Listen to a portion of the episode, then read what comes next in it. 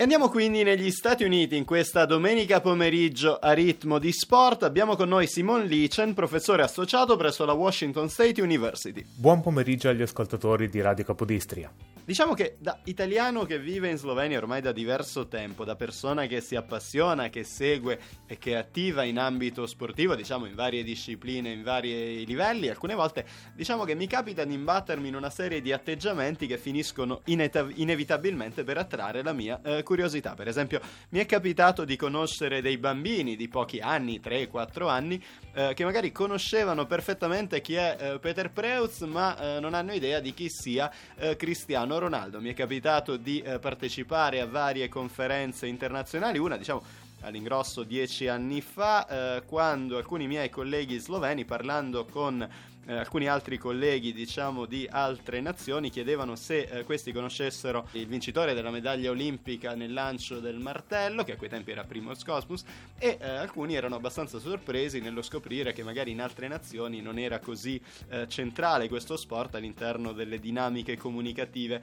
dei media o comunque dell'interesse dei tifosi degli appassionati sportivi. Più di recente sia in occasione dei campionati europei di basket ospitati dalla Slovenia che in particolare soprattutto dopo quelli quelli vinti. Mi è capitato di assistere a una conferenza ancora una volta dove molti degli speaker erano eh, sloveni e credo che tutti avevano inserito una fotografia della squadra slovena che aveva vinto, indicandola come un ottimo esempio di eh, cooperazione orientata al successo e non tutte le persone che partecipavano a questa conferenza erano in realtà così eh, familiari, diciamo, con questa impresa sportiva, eh, grande impresa della Slovenia eh, sportiva, insomma, potremmo anche definirla eh, così. E in questo periodo periodo uh, i media uh, sportivi e non sloveni, anche croati come abbiamo scoperto da Daniela Rogul, uh, stanno dedicando molta attenzione a Luca Doncic. Ovviamente si tratta di un giocatore che è balzato agli onori delle cronache mondiali per essere molto giovane, molto forte, passato da Real Madrid, che è comunque una squadra di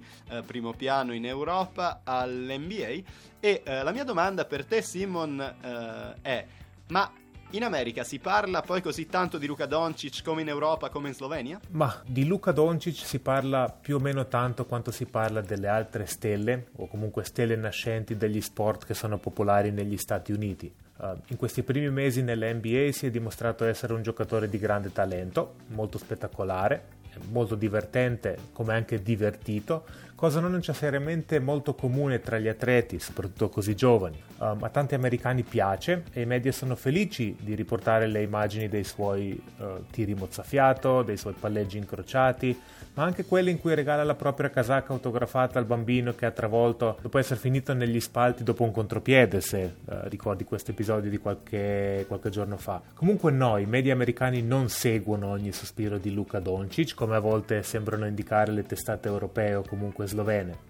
Ehm, la rivista Sports Illustrated ha pubblicato un bel articolo di tre pagine su di lui qualche settimana fa, ma più di questo anche no. Lo spazio mediatico viene suddiviso tra molti giocatori, in modo che ogni squadra e ogni tipo di pubblico uh, possano trovare il proprio idolo. Non sono i media americani a mettere costantemente Luca Dolcic in primo piano, quanto siamo noi a notarlo ogni volta che lo fanno. In un certo senso Lu- Doncic per gli americani si distingue solo per le sue gesta in campo, mentre altri sportivi sono popolari anche per altri motivi. LeBron James ha recentemente inaugurato una scuola, per esempio.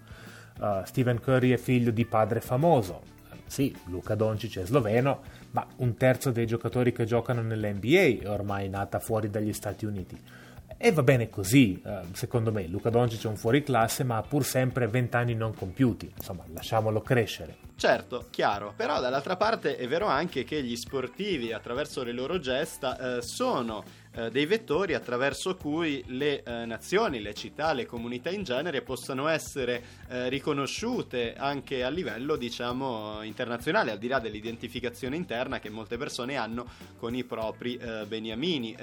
secondo te chi sono i personaggi sloveni più famosi oltreoceano negli Stati Uniti? Ho improvvisato un po' per scherzo un sondaggio sondaggio tra i miei studenti ai quali ho chiesto di elencare tutte le persone che ricordano essere collegate alla Slovenia e tra 20 studenti universitari c'è stato un accenno uh, a Luka Doncic, un accenno ad Angeco Pitar, Jan Oblak e Kevin Campbell, un accenno a Tina Mase e uno addirittura al vogatore capodistriano Raiko Hrvat, per dire. eh, immagino sia stato qualcuno che l'ha conosciuto di persona. Mi è parso interessante che nessuno eh, però non ha elencato la First Lady americana Melania Trump e nessuno si è nemmeno ricordato di elencare me, quindi diciamo che la memoria, la memoria umana è abbastanza imperfetta. Beh Simon, non ti buttare giù perché non hanno citato nemmeno Ceferin, che è un altro personaggio direi molto noto di sicuro a livello europeo, ma direi anche a livello mondiale attraverso il calcio, attraverso la sua eh, presidenza della UEFA, che è la confederazione calcistica a livello continentale per il vecchio continente.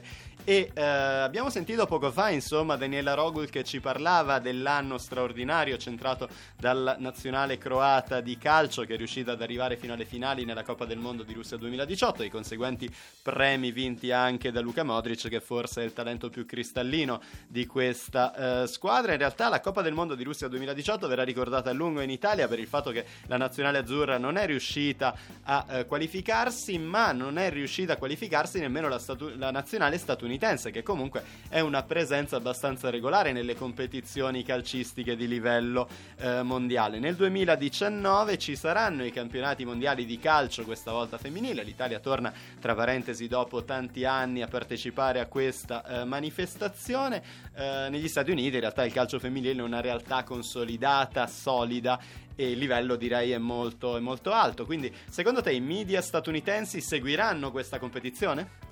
Sicuramente sì, eh, è vero, il calcio femminile è molto popolare negli Stati Uniti, eh, molte ragazze o comunque donne lo giocano a livello agonistico, anche a livello universitario Uh, e questo accade ormai da decenni, il che ha permesso alla nazionale statunitense di vincere i campionati mondiali tre volte, compresa l'ultima edizione del uh, 2015.